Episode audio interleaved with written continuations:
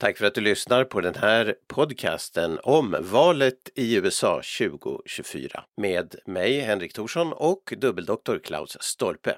Vill du höra andra samtalsserier och vår serie om USAs alla presidenter så hittar du dem på totalmedia.com. Total med th, totalmedia.com.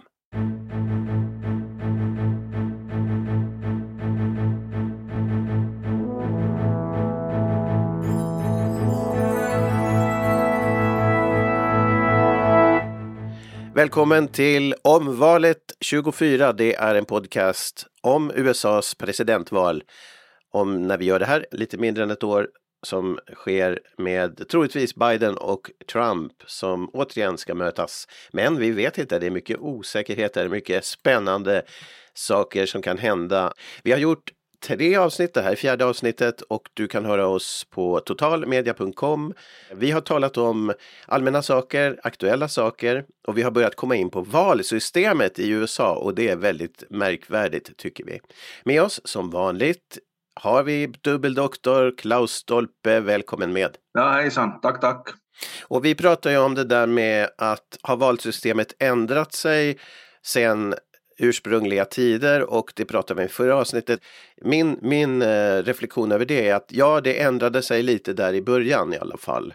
Valsystemet, det satte sig på plats men egentligen har det inte ändrat sig jättemycket sen det kom till. Eller har jag tolkat det ungefär rätt? på det Nej, det, det, är nog helt, helt korrekt. Alltså, att då, då hette det ju att de, de fem som har flest elektorsröster går vidare och så får representanthuset välja bland dem. Men att det där blev ju då ändrat ganska fort att, att de ska välja mellan tre stycken. Men mm. att det mm. visar ju att man, man tänkte ju sig typ regionala kandidater som sen skulle ställas mot varann. Från början var det ju dessutom så att, att de här elektorerna hade ju två valsedlar och uh, det var så att ettan, ettan blev president och tvåan vicepresident och det blev ju väldigt tokigt då. Kan två fiender bli liksom president och vicepresident åt varann. Mm. Men påföljden att år 1800 så blev det ju oavgjort mellan Jefferson och hans tilltänkta vicepresident så att då, fick ju, då hamnade ju representanthuset att avgöra.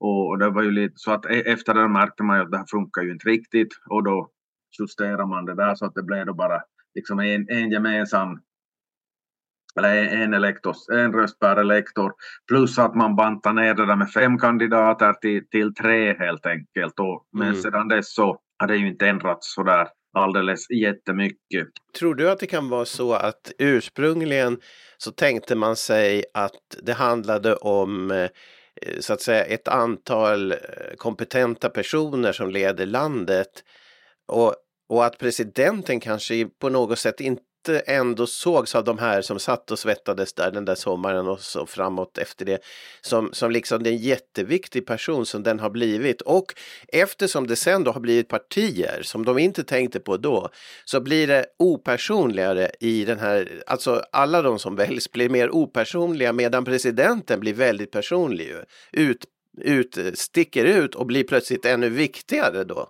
Ja, så kan man ju säga för att, att det är ju väldigt lite skrivet i, i konstitutionen om presidenten så att eh, och, och det fixar man ju ihop sedan då man var färdig med allt annat mm. om hur högsta domstolen skulle funka och kongressen och, och, allt det där så att, att eh, presidenten har väl nog en helt annan roll idag än vad det var tänkt från början och det är ju liksom bara ett av de här många exemplen på att att är det nu, ja. hur pass vettigt är det att man inte liksom kan ändra på en grundlag överhuvudtaget för att det är ju ingen, den betraktas som någon helig skrift, helig skrift med några tillägg helt enkelt. Den är ju inte helt tidsenlig den där den, den där konstitutionen om vi nu uttrycker saken milt. Nej men det är intressant att, att fråga sig om den här förändringen, så det är större förändring vad presidentens roll är än det är på valsystemet i alla fall, det kan vi konstatera. Och... Jo, jo, jo, realitet, alltså, jo, jo, jo, jo det, det är så att den här exekutiva makten har, har vuxit helt enkelt. Ja, men, men man kan också då fundera om det är så att man, man på den tiden tänkte sig en idealisk demokratisk folkmassa som kompetenta män då framför allt som, som leder och att presidenten kanske inte bestämmer men leder arbetet. Inte vet jag om det kan, det var ju en gammal tid, då tänkte man ju ofta auktoriteter i och för sig. Men, men det kanske var lite så att presidenten skulle inte bestämma så mycket utan mera leda arbetet eventuellt. Jo, för att alltså själva USAs tillkomst så är ju rätt långt ska kalla det, reaktionen ja. mot ett kungligt envälde. Precis, ja. Närmare bestämt han i London. Och, ja. och, och då, då, var det väldigt viktigt att ingen enskild skulle få, få, få för, mycket, för mycket att säga till om helt enkelt. Mm. Så att, och, men då ska vi också lägga till att man hade inte så mycket att jämföra med för att uh, alla andra länder så liksom hade ju det gamla systemet. Vi ska komma ihåg att vi talar ju om att uh, den här konstitutionen skrevs ju två år före franska revolutionen. Ja, fantastiskt. Ja, ja precis. Så det är ju helt omvälvande tider. Ja, revolutionerande skulle till och med Revolutionerande, ja. Nej men, nej men det är intressant med den rollen där, där man kanske kan filosofera och vi har ju en serie om presidenter också, Mr President som du även hittar på totalmedia.com. Eh, och där kan du följa eh, Klaus berättelse om alla de här presidenterna. Och jag menar, det kanske är en förändring eh, också stärkt av media, först tidningspressen och skvallerpressen och sen då tv och allt det här radio och tv och, och så som gör att presidenten blir sen mer och mer kungalik över tid, åtminstone ibland så poppar det fram. Men Trump kanske var mer av en kung än Biden är och kanske Trump blir mer av en kung om han återkommer också. Jag vet Biden. Jo, alltså det, det, han är ju nog sådär att all, allt ljus på mig helt enkelt ja. på ett annat sätt än, än att Biden är väl kanske de mera lagspelare ifall man vill ja. uttrycka det den vägen för att de är ju på, på gott och ont olika personligheter och sedan är det ju kanske framförallt i tider av kris som, som presidentens ämbete har blivit starkare. Vi tänker på en sån som Lincoln eller något, något, något, något sånt. Jo. Ja, men vi kan ta nu den här Thomas Jefferson som betonar väldigt starkt att presidenten inte ska ha så mycket att säga till om, men sen då, då, då han får till tar han ju tillfället i flykten och gör USAs yta dubbelt större då han mm. köper det gärna territoriet av Napoleon. Så att, ja. att han, han var inte, inte, så, inte så noga med saker och ting som när det väl kom till kritan tydligen. Nej, det, det, det, var verkligen att ta, ta kommando och ta makt och på så vis också med Napoleon lustigt nog som just nu är aktuellt på bio som var ju en av de stora härskarna efter franska revolutionen. Icke att mm. förglömma, men inte kung men, men äh, ja, Jag ska faktiskt gå och titta på den filmen på onsdag. Aj! Ja, ja. Eh, I alla fall det som eh, man undrar också nu när man börjar följa valet och du har ju tipsat här i avsnitt två om olika sajter på nätet. Där kan du som lyssnar titta eh, på våra texter vilka sajter det är. Där man kan hitta mer information om USAs politik nu. Och eh, bland annat så hittade jag ju de här polls då, som här eh, röstmätningarna eller vad ska jag säga. Och där finns ju general election bland annat då. Eh, och där har man ju dels om Biden skulle möta Trump och sen Biden, det är hela tiden Biden, men sen med olika DeSantis eller, eller hon Haley då och olika procent. Och faktum är att som det är idag då eh, den här veckan så är det faktiskt Biden efter några punkter då på poäng där procent. Och de andra, de republikanska kandidaterna leder i de här mätningarna. Säger det någonting eller vad, vad kan man reflektera över en sån? Ja, alltså nu säger det ju någonting att, att alltså det generella är ju att då, då en, en gallup går, går bra så, så tittar man gärna på den och, och, och om den går dåligt för den här egna favoriten eller för en själv så då, då skämtar man bort det att det, att det är långt kvar till valet och så vidare. Mm. Men att det visar framförallt någonting på på trender och eh, vi har ju den, med det valsystem vi har så man kan ju strängt taget strunta i när uppemot 40 av de där delstaterna och det kan bara fokusera, för där vet man ändå i det stora hela vem som kommer att vinna, men att, att eh, om man ser på de sex delstater som var, ja det var jämnast förra gången och då vann Biden i de flesta, så att nu leder ju då Trump i fem av dem där och i fyra av dem ganska klart. Mm. Men det, det, det, här, det blir nog 49 veckor kvar eller någonting, någonting i den stilen så att det, det där hinner ju gå, gå, gå upp och ner och det kan ju hända att det inte alls står mellan de där båda kandidaterna sen men att i nuläget så är det ju de, de som är i fokus och då, då är det väl tycker man väl att de allra flesta redan skulle ha en klar uppfattning att om man tycker att Biden eller Trump är den bättre av dem, mm. de båda. Så att, men att det är ju då som sagt de här jämna delstaterna man får fokus, fokusera på. Det där kommer vi ju säkert att återkomma till. Så, så vad betyder det om man ser på Real Clear Politics till exempel att nu är det en mätning där och så, så visar det att, att Trump har två, vad är det procent då, över eller någonting sånt här?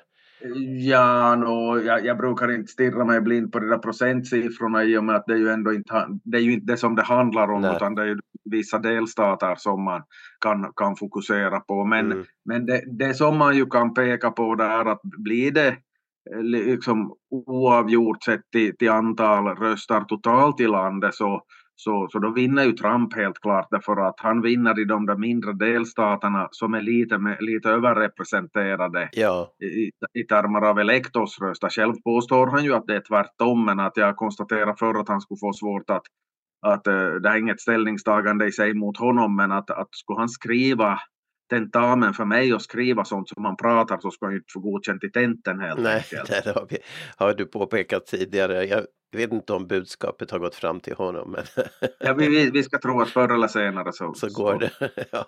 Men eh, det här med kända presidenter och det som var senaste veckan som du påminde oss om på Facebook det var ju att det hade gått 60 år sedan Kennedy mördades i Dallas. Eh, och eh, 63 alltså, det var den 22 november. Eh, vad ska man säga om det? Det var inte så mycket skrivet om det men det är ju en ganska stor sak. Alla minns ju var de var när det hände som var födda då. Jag var ju förvånad att det inte hördes mer om det hela i och med att det var trots allt jämna år sedan för att jag tycker att, att även om, om det hade gått typ 57 år sedan eller 54 år sedan eller något sånt så brukar det på något vis synas i media oberoende men att nu då det var 60, men det kanske känns, kanske det känns uttjatat helt enkelt. Eh, du, du, du, har, du har någon sån här uppgift om Kennedys sista telefonsamtal som jag tror inte vi fick med oss när vi pratade om Kennedy i vår presidentserie.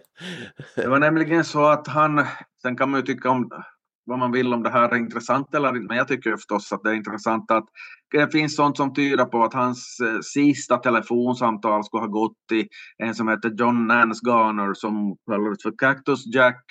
Uh, han gratulerar honom på 95-årsdagen och vem är det då? Jo, det är den vicepresident som så vitt jag vet har levt längst för att det var den här Garner som var, som var vicepresident åt Franklin D. Roosevelt under 30-talet. Han, han var inte liksom alla de här fyra gångerna som Roosevelt vann utan 32 och 36 och sedan då, då Roosevelt bröt den här traditionen med att bara ställa upp två gånger och ställde upp 1940 så var Garner sur för han hade kanske hoppats att han skulle bli president själv så han försökte förgäves bli nominerad men FDR var ju den stora stjärnan. Men att det var faktiskt så att, att han mm. fyllde då 95 år den där dagen som Kennedy blev blev mördad och, och Kennedy ringde och grattade honom då och den där Garner, så han, han levde några år till sen, jag tror han var 98 när han dog. Sånt där, sånt där är förstås oerhört Aha. viktigt att känna till. Men, men han var den kanske äldsta vicepresidenten som sagt då? Så att... Han borde nog ha varit för att jag, att jag menar han var ju närmare hundra så att, att, att jag, jag, han, han måste, jag är rätt säker på att han är den äldsta, levde, levde längst helt enkelt. Ja, just det. Ja, men eh, det är lite sånt som pågår nu. Det är lite lugnt den här veckan har det varit när det gäller valet och eh, USA kanske ja, det, det, det, har inte varit så stora notiser på händelser som tidigare och vi ser ju om några, någon vecka så kommer det en till sån här debatt med republikanska kandidaterna och då kan det eh, säkert hetta till igen i media. Eh, men för oss är det intressant att fortsätta diskussionen om mm. valsystemet och vi berättar ju hur du hade din doktorsavhandling från 1997 där du jämförde olika politiska eh, valsystem då, bland annat USA. Så det ska vi ju kanske göra något special om också, gå mer in på jämförelsen.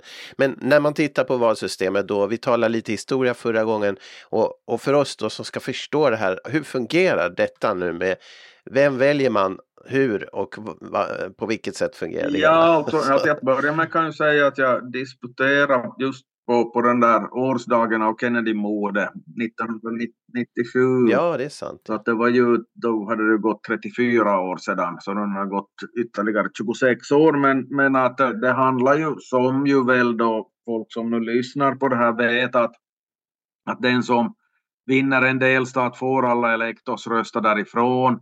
Eh, det finns två delstater var man mm. har ett lite annat system, att man helt enkelt eh, delar ut de där rösterna utgående från liksom vem som vinner i respektive valdistrikt för, för uh, valet till representanthuset och den som får flest röster så får de där två, två, platt, två elektorsrösterna som man får på grund av att varje delstat har två, två senatorer. Men det, där, det, det ska ju mycket till om just det ska det är väl Maine och Nevada tror jag, säger jag utan att kolla, men att det, det har ju inte så stor betydelse i det stora hela. Mm -hmm. Alltså det, det bottnar ju i hur många platser en delstat har i, i, i, i kongressen helt enkelt. Så att, att en, en delstat mm. som har, en pytteliten delstat som bara har en medlem i, i en plats i representanthuset så har ju ändå två platser i senaten och då får de, då, då får de helt enkelt tre elektorsröster.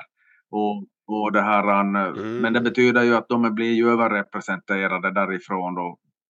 Sen en sån där Wyoming som bara har 600 000 invånare så har ändå tre elektorsröster och, och sen och Kalifornien som har mm. tiotals miljoner och så är det nu närmare 40 miljoner eller no, någonting sånt så har ju då är det nu 51 i representanthuset plus två senatorer och så har de 53 elektorsröster. Men att om du slår ut det där per capita så de här små delstaterna blir per definition uh, överrepresenterade. Och sedan har vi ju också en sån detalj att uh, Washington DC, så den som vinner där så får ju tre elektorsröster, men de har ju ingen plats i, i senaten och representanthuset så att så därför blir det 538 ja. elektorsröster, det vill säga 435 via det antalet platser som finns i representanthuset och 100 i senaten, men det blir ju 535 och så lägger du på de där tre som kommer från Washington DC.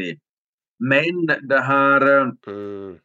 det är ju så då att eh, vi, vi har ju redan varit inne på att den där konstitutionen då från 1787, så det är ju, en, det är ju ett lapptäcke av, av det här kompromisser och en sån kompromiss är ju att att eh, de, eh, de hamnar ju inrätta två kamrar i den där kongressen för att de här små delstaterna mm. så tyckte det var självklart att alla skulle få lika många och de här större så tyckte det var självklart mm. att man skulle få, få fler äh, platser eftersom man hade större befolkning och då blev det ju då så att man delar på det hela så att senaten så, så där har alla två platser och i representanthuset så, så är det no, i praktiken att 700 000 röster ger, ger en plats och det betyder ju att då Wyoming andra har en mm -hmm. kongressledamot och Kalifornien har över 50. Alltså, vid närmare eftertanke tror, tror jag de har 52, jag tror jag sa 53 just men att det men, men, men i alla fall Aha. helt enkelt och, och, och det är ju så att äh, alltså det är ju ingen överdrift eller slump att man ofta kallar den här konstitutionen för den stora kompromissen, alltså the, the great compromise och ett sånt här, alltså det mest, det mest absurda exemplet så är ju att att eh, då man har kommit fram till då att jaha men att nu ska vi dela upp, dela upp platserna i representanthuset enligt befolkning i respektive delstat. Då kommer ju nästa fråga att uh, okej, okay, hur gör vi med slavarna? No, då tyckte man ju i norr att mm. men ni kan, mm. kan ju inte räkna in dem för att de får ju ändå inte rösta eller någonting sånt att, att ni, ni som behandlar dem som djur och nu ett tu tre så, så, så ska de räknas. Ja, men att då, då tyckte, tyckte man i södern att ja, men de går ju liksom på två ben och kan prata så att det, det är ju det, det, är klart de ska räknas in så vi får fler platser i representanthuset och men kommer ju någon, någon vart så att det, det slutar ju med att, alltså det här är ju helt absurt men alltså för att komma någon vart så bestämde man då att en slav i det här sammanhanget så räknades som en tre femtedels människa. Okej. Det, det är liksom för att komma någon vart. Men alltså, det hade ju någon annan betydelse än att, än att det, alltså sån praktisk betydelse än att hur ska man göra för att kunna slå fast på ett, på ett funktionerande sätt hur många platser en delstat ska ha i, i, i det här i representanthuset. Men i och för sig nu var det ju, var det ju presidentvalet det handlar om, men att saker och ting följs ju, följs ju åt helt enkelt. Uh, att, mm. Elektorerna räknas då på basen av vad man har för representanter i representanthuset? Ja, precis. precis. Så att om, om vi nu tänker oss att en, en delstat har tio platser i representanthuset så får de tolv elektorsröster därifrån. För att det följer ju alltid åt det här med, med två senatorer ännu till. Så att, att Antalet, mm. att om vi tänker oss kongressen som är det här samlande namnet för representanthuset och, senaten så att, att så, många, så, så många platser som man har i kongressen, så många elektorsröster får på delstaten. Och undantaget är då som sagt Washington DC eftersom de inte har eh, eftersom de ju inte har, har no, de får vara med i presidentvalen men man får inte vara med i, i kongressval eftersom man inte hör till någon delstat utan det är ju ett helt skilt skilt, skilt område. Mm. var bland annat en kollega som var, som var förbryllad över att då han över de här sajterna som jag använder, för de kan ju heta sånt där 538, alltså fem, att om, man, om man slår in siffrorna mm. 538 så kommer man in på ett ställe med intressanta analyser och artiklar och det syftar ju helt enkelt på antalet elektorsröster som det finns totalt att tävla om och en annan, ett, en annan mm. sån källa till information och kunskap och whatever så heter 272 win, det vill säga att man behöver ju 270 för att, för att vinna helt enkelt. Ja, det, det, det finns mycket mm. annat om politik där och det handlar inte bara om presidentval men att, att det, då, man är, då man är intresserad av de där grejerna så, så framstår det förstås ganska självklart vad de där siffrorna betyder. Hur, hur, hur blir det här ojämnt på något sätt då? Det är det man undrar.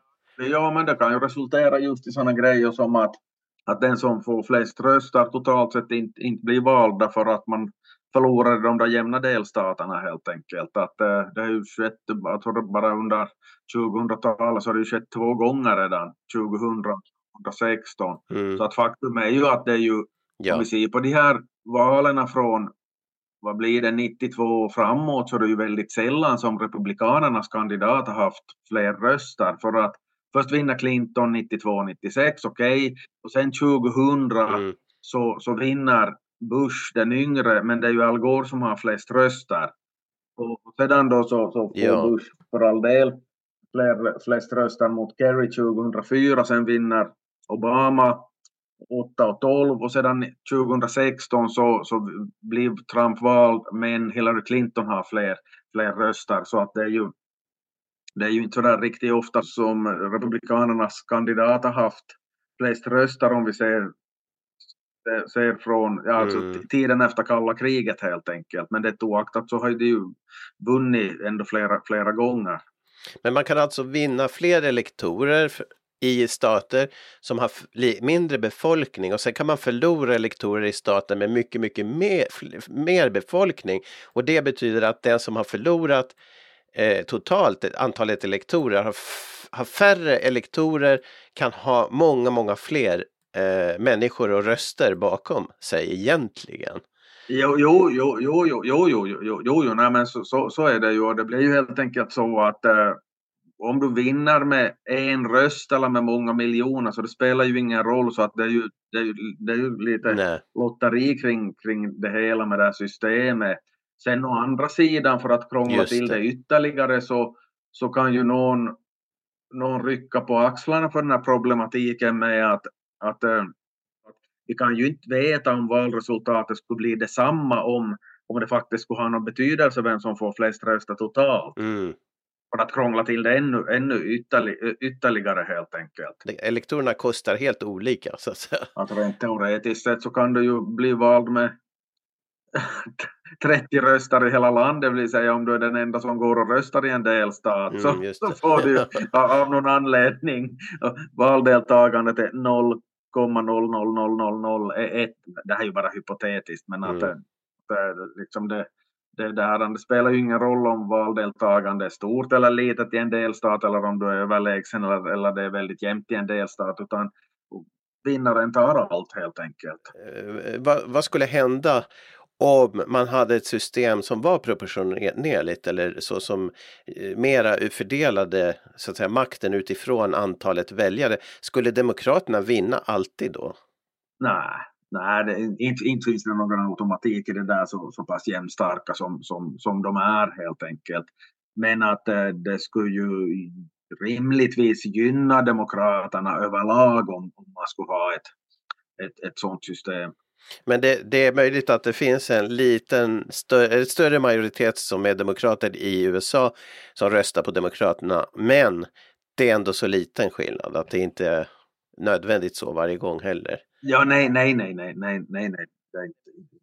2004 då, då Bush blev omvald, som, då var ju han den som hade flest röster. Ja, det, var, det, det var jämnare än vad folk kommer ihåg, men det beror på att folk det hade jämfört med det där valet innan som var så himla dramatiskt så att det tog över en månad innan man kom fram till vem som hade vunnit. Mm. Eh, man kan förlora med jättemånga röster i en stat och sen kan man vinna med jättefå röster i en annan och det blir någon slags utjämning men det, vi uppfattar att det inte riktigt visar hur mycket väljarstöd man på riktigt har. Det blir som en det, det blir lite missvisande. Vad är bakgrunden till att man ville göra på det sättet?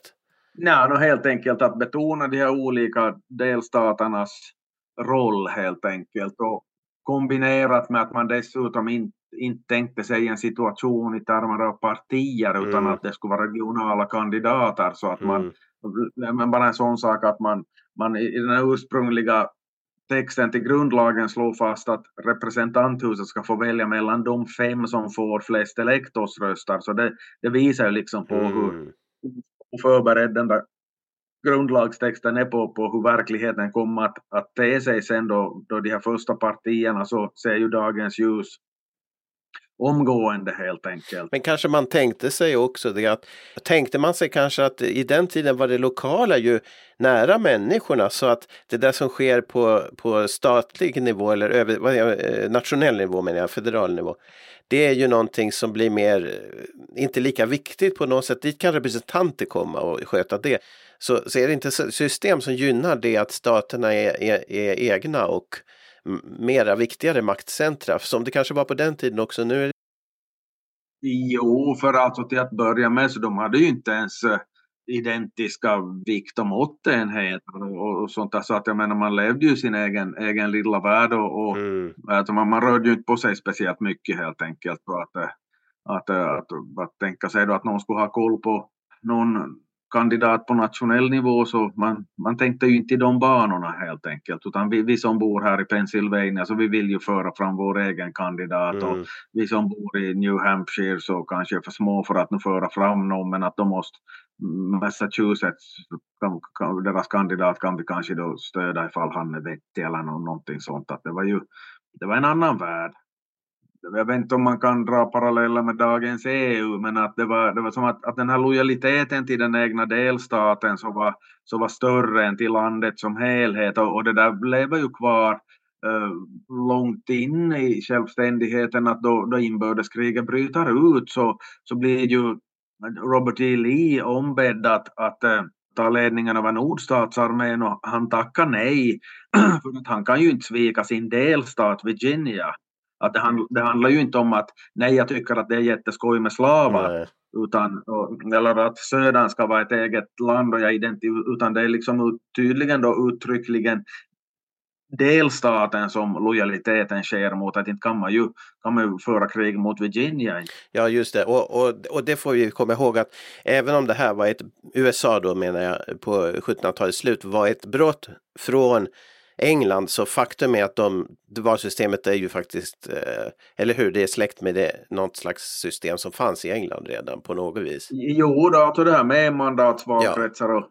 och winner takes it all, det brukar kallas för majoritetsval på, på svenska men det är ju en helt felaktig benämning mm. för att, att det, man behöver ju inte ha en majoritet utan, utan det är ju pluralitetsval som det borde kallas, det vill säga att, att eh, det vill säga den som får flest röster vinner. Mm på, på engelska så, så har man förenklat det där för att folk ska fatta vad det, det kallas helt enkelt first past the post, det vill säga först i mål vinner. Ja, just det, just det.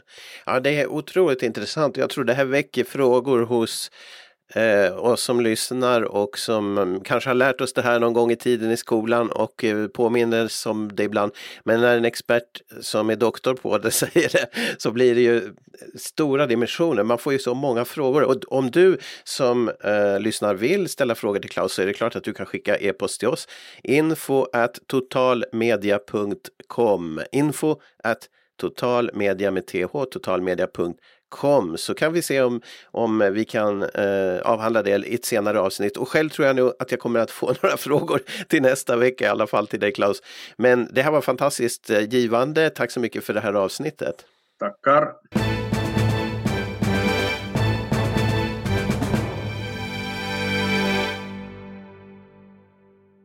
Tack för att du lyssnade på Om valet i USA, en podcast om valet 2024. Du hittar fler samtalsserier på totalmedia.com och vår serie Mr President även på Apple Podcasts och på andra ställen där poddar finns.